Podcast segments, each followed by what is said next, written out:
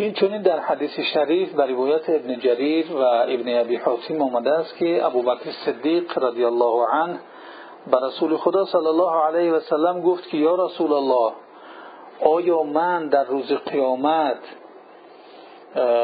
همسان ذره از عمل شر را که عمل کرده باشم آن را می‌بینم؟ یعنی در برابر آن عملی که همچون ذره باشد.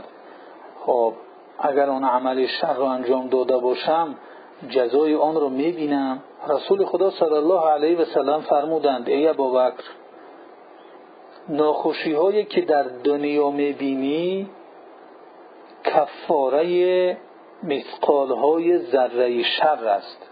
یعنی هر درد و رنجی که برای انسان می‌رسد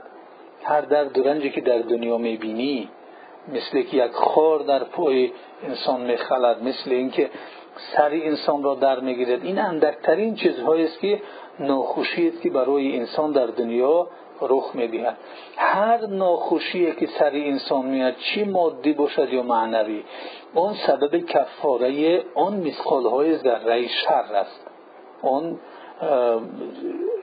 کارهای بدی که به اندازه ذره هستند و ولی بد هستند کفارت آنها اون ناخوشی ها و اون سختی ها و اون مصیبت هایی که سر انسان در بلند یک سر انسان میآید می‌باشند. اما خداوند جل جلاله مسقال های ذره خیر را اون خیراتی که حتی مثل ذره هم باشند میگه که برایت ذخیره می‌کنند.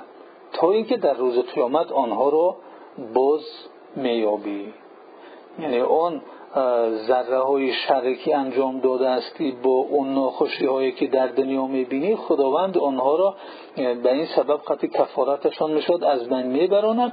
اما مسقال های ذره خیری که کارهای خیری که نهایت خورد هم باشند خداوند آنها رو برای تو ذخیره می‌کند تا اینکه در روز قیامت آنها را باز میابی